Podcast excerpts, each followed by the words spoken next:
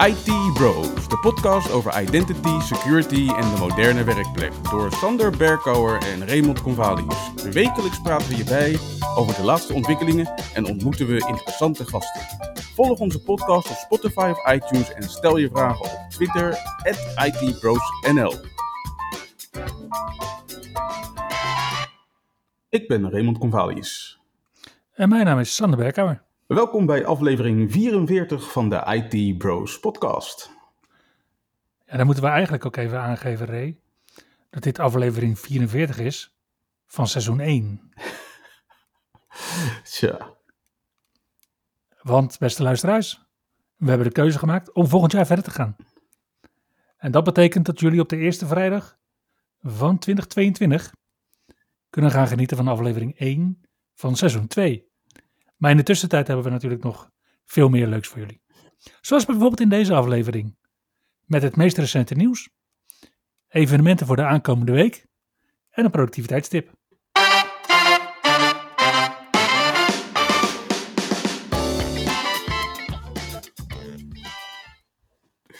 Qua nieuws was het volgens mij best een rustige week de afgelopen week. Maar toch gebeurde er weer het nodige. Ja, en ik denk ook dat er het nodig is gebeurd waarvan we het nog niet weten. Ongetwijfeld. Nou ja, om te beginnen pakte Abdelhamid Nasseri afgelopen week alweer een headline. hè? Dus we hadden het vorige week al over hem en vandaag gewoon weer. Dus eh, lekker productief bezig.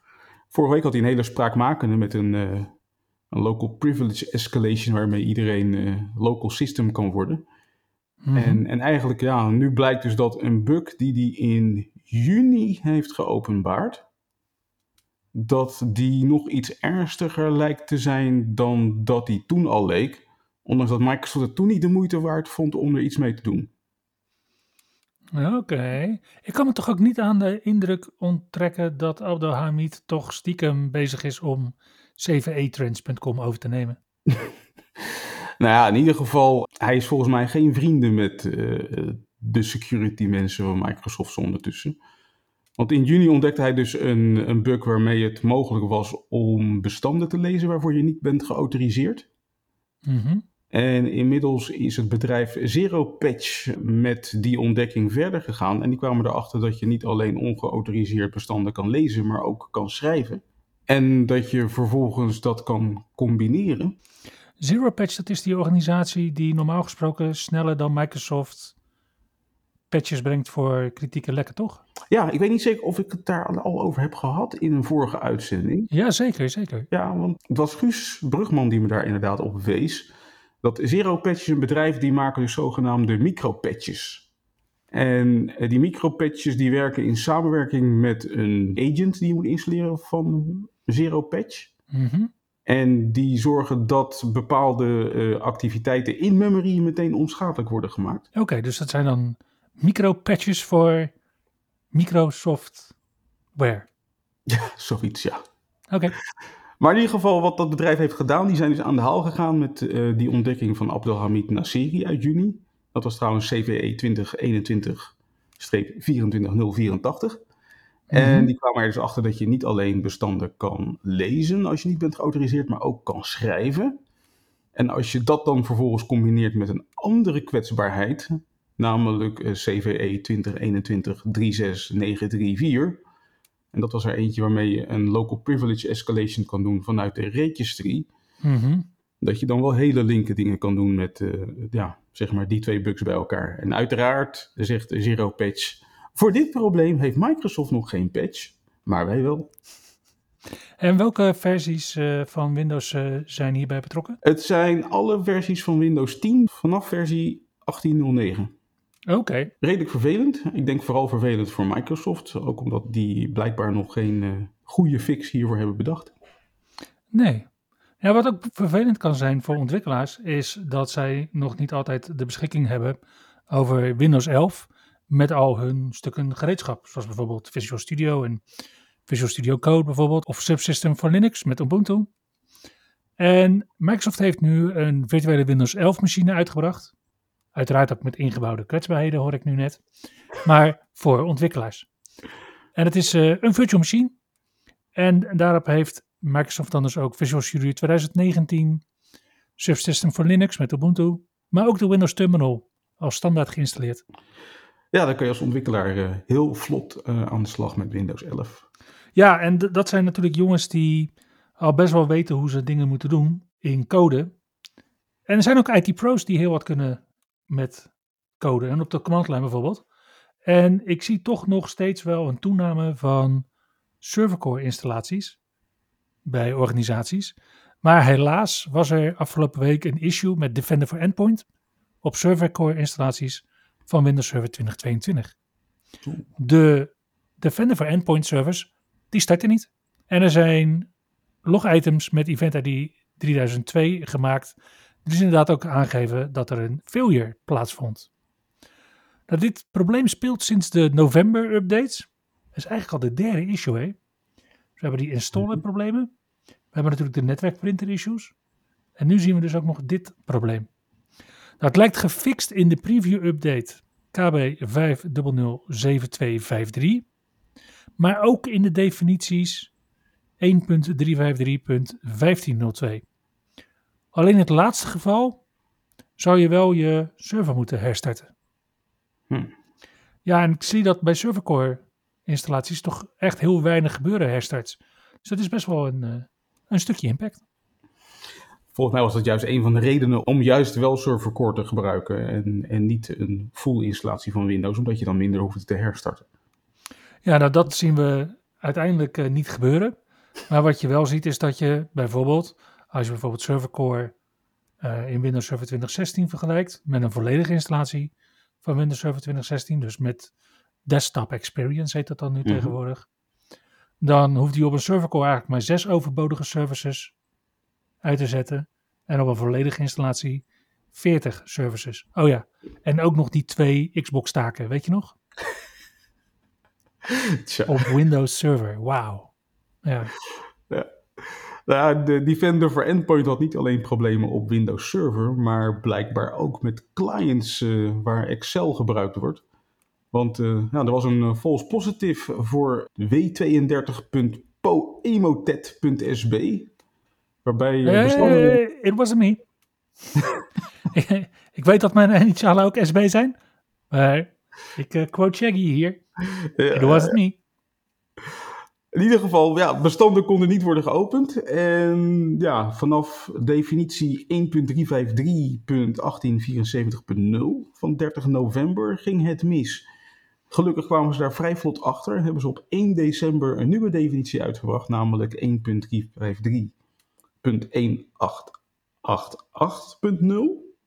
En daarin is het probleem weer opgelost. Die nieuwe definities die waren er inderdaad al na vijf uur.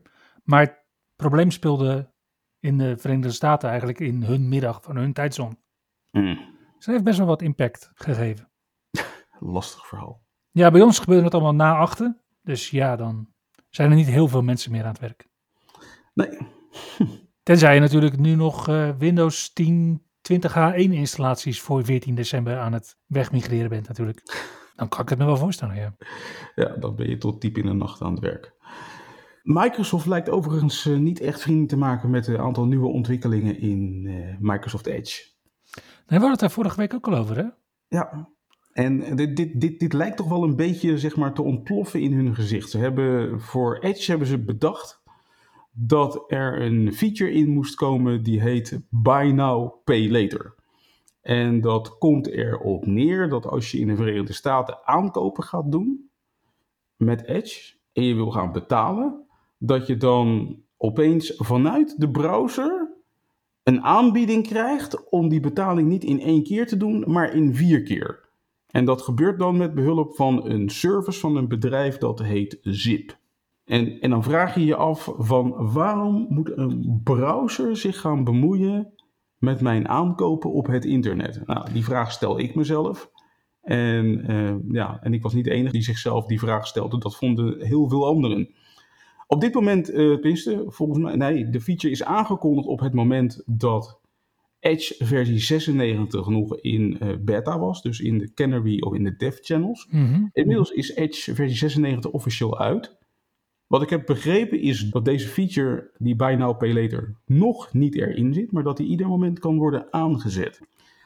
Als je wil, meer wil weten hierover, dan is er trouwens wel een, een mooi artikel uh, verschenen op uh, de tech community van Microsoft, waarin ze uh, uiteraard in ronkende marketingbewoordingen de aankondiging doen dat ze dit gaan doen, dat Buy Now Pay Later in Edge.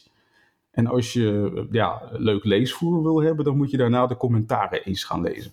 Nou, die zijn echt niet van de lucht.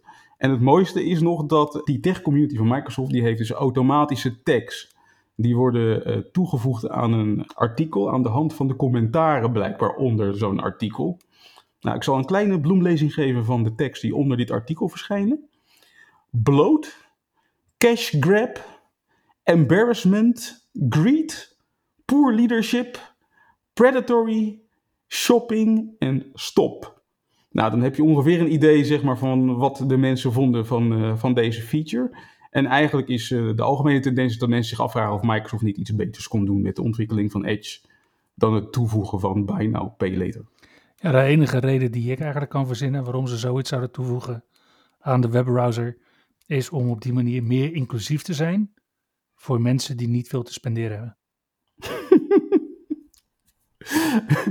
ja, dat ze zich vooral dieper in de schulden mogen steken. Goed. De rechtspraak gaat ook op de inclusieve tour.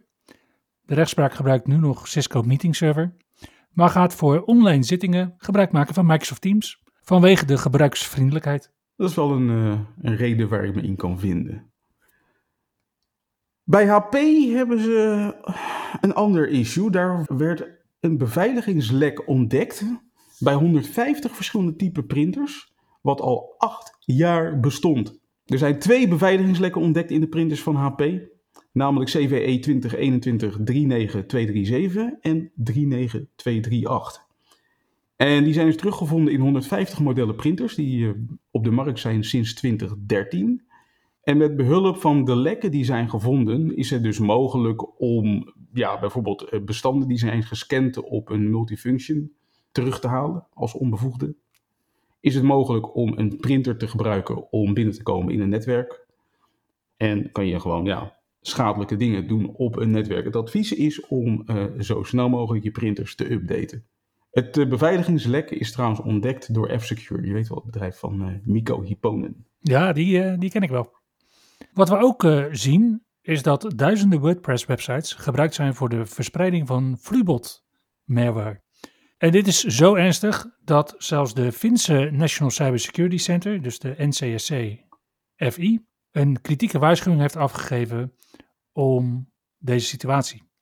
Wat er namelijk aan de hand is, is dat deze websites onvoldoende werden geüpdate.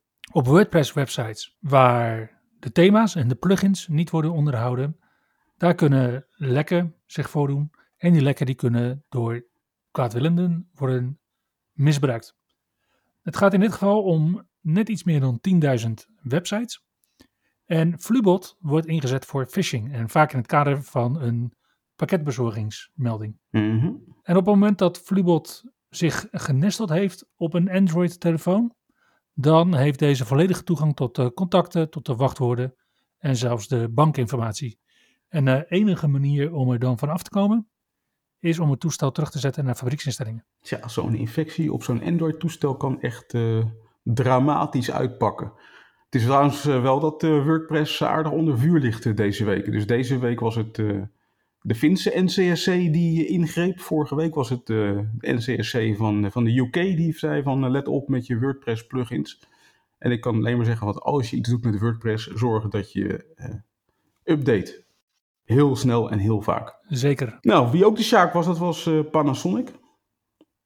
Panasonic maakt melding van een datalek na een hack op het interne netwerk. En daar blijkt dat de onbevoegden illegaal toegang hebben verkregen tot het, uh, tot het netwerk tussen 22 juni en 3 november, dus 134 dagen. Dat is bijna gemiddeld. Ja, dat is inderdaad uh, bijna het, het, gemiddelde voor een ontdekking van een hack. Ze hebben de hack geconstateerd op 11 november. En ze weten dat de hackers toegang hebben gehad tot sommige gegevens. Heel veel is er nog niet overduidelijk. Nee, hetzelfde gaat ook een beetje voor IKEA. En wat we zien is dat IKEA onder vuur ligt. Dat de interne postvakken nu worden gebruikt voor phishing.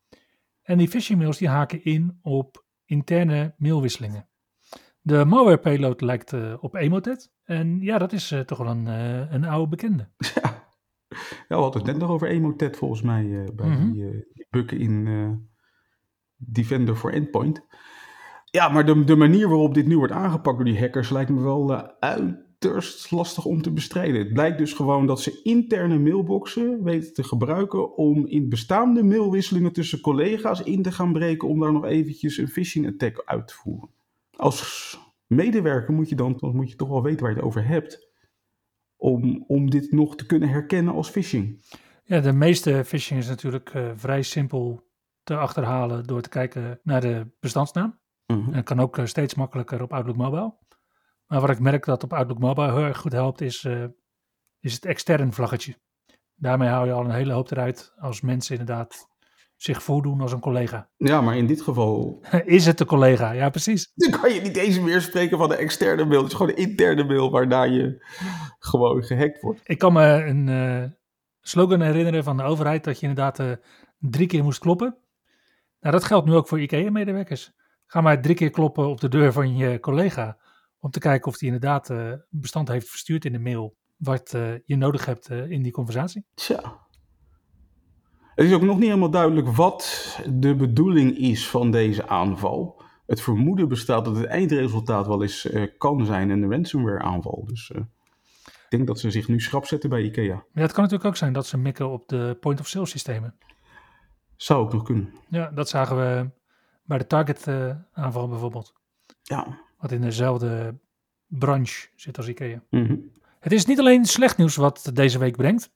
Er zijn ook flink wat cybercriminelen opgepakt de afgelopen weken. En daar hebben Interpol en Europol deze week melding van gemaakt.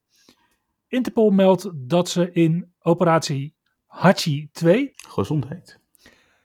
In 20 landen, waaronder landen in Europa, duizend criminelen hebben opgepakt die zich bezighielden met het witwassen van geld, investeringsfraude en het uitbaten van illegale online casino's. Europol meldt dat ze 1803 geldezels hebben opgepakt, nadat ze daar 18.000 van hadden geïdentificeerd. Zo. En dat deden ze onder de noemer operatie Emma 7. Emma 7 is dat een matras? Emma is een naam van een matras, ja. Ja je zou denken dat dat soort mensen inderdaad hun geld onder de matras stoppen, maar uh, Nee, Emma staat in dit geval voor European Money Mule Action. Oké. Okay.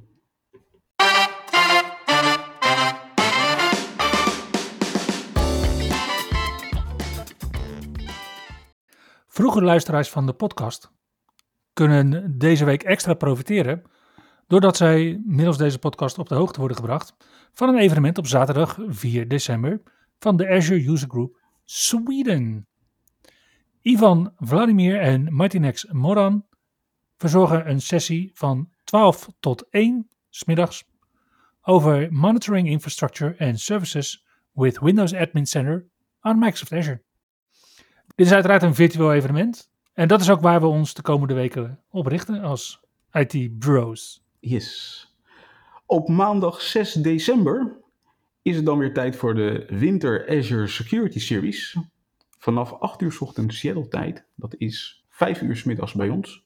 En in de aflevering van 6 december gaan ze het hebben over Cloud Katana. En Cloud Katana is een cloud native tool dat ontwikkeld is om uh, automation en execution van simulation steps in multi-cloud en hybrid cloud environments mogelijk te maken. Oké. Nou, dan switchen we weer naar het uh, Nederlands. En ja, dan, nou ja, dat kan eigenlijk niet.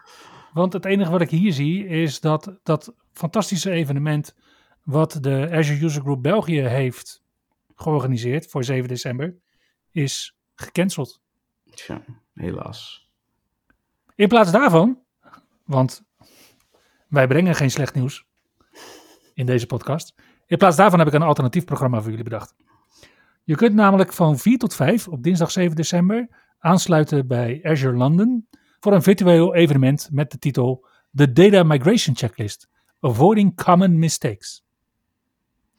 Daarna kun je van 5 tot 6 bij de Winter Azure Security Series weer aansluiten voor een Azure Sentinel sessie met de titel KQL Framework for Azure Sentinel and Powering to become KQL savvy.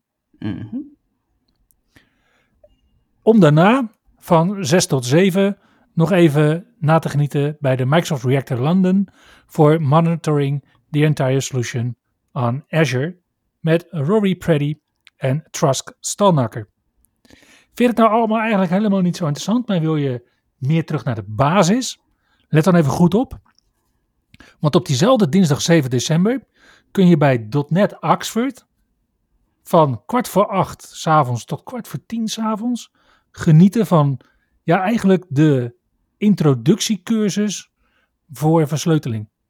Nou, het Engels heet het dan Cryptography 101.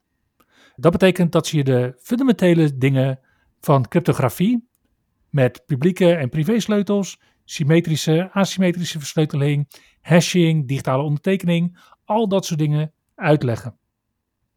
Ook weer een virtueel evenement, dus je kunt er gewoon bij aansluiten zonder zorgen te hoeven maken voor andere virussen. Oké. En als je dan nog niet genoeg hebt gehad, dan kan je op woensdag 8 december gewoon weer verder met de Winter Azure Security Series. Vanaf 5 uur middags kan je een sessie bijwonen die heet Overview of the SOC Process Framework. Dus als je meer wil weten over hoe je met je Security Operations Center om moet gaan, woensdagmiddag dus. Op donderdag is het dan tijd voor de IT Infrastructure and Security Alliance. Vanaf half zes tot half zeven spreekt eh, Jelle Niemandsverdriet, de National Security Officer van Microsoft Netherlands, over Zero Trust to Maximum Trust. Ja, ik kijk heel erg uit naar die serie. Dat lijkt me een super interessante serie. Ook omdat Jelle een niet de benijden taak heeft eh, binnen Microsoft Nederland. Die, nu, die volgens mij nu in de afgelopen vijf jaar nu al bij de derde persoon ligt. Oké, zo. Ja, dat is hard gegaan na Hans Bos. Maar dan moet je op donderdag 9 december wel kiezen. Want je kunt namelijk van 6 tot 10 s'avonds ook aansluiten bij de UK Azure Virtual Desktop User Group. Zij organiseren hun December meeting met Neil McLaughlin, Sam O'Donnell, Anthony Mashford en Ryan Mangan over app packaging, NetApp Files Integration, Teams Integration en natuurlijk Nerdio's latest and greatest feature. Dit is een evenement wat zowel virtueel als fysiek plaatsvindt in Leeds, maar je kunt daar gewoon bij aanschuiven.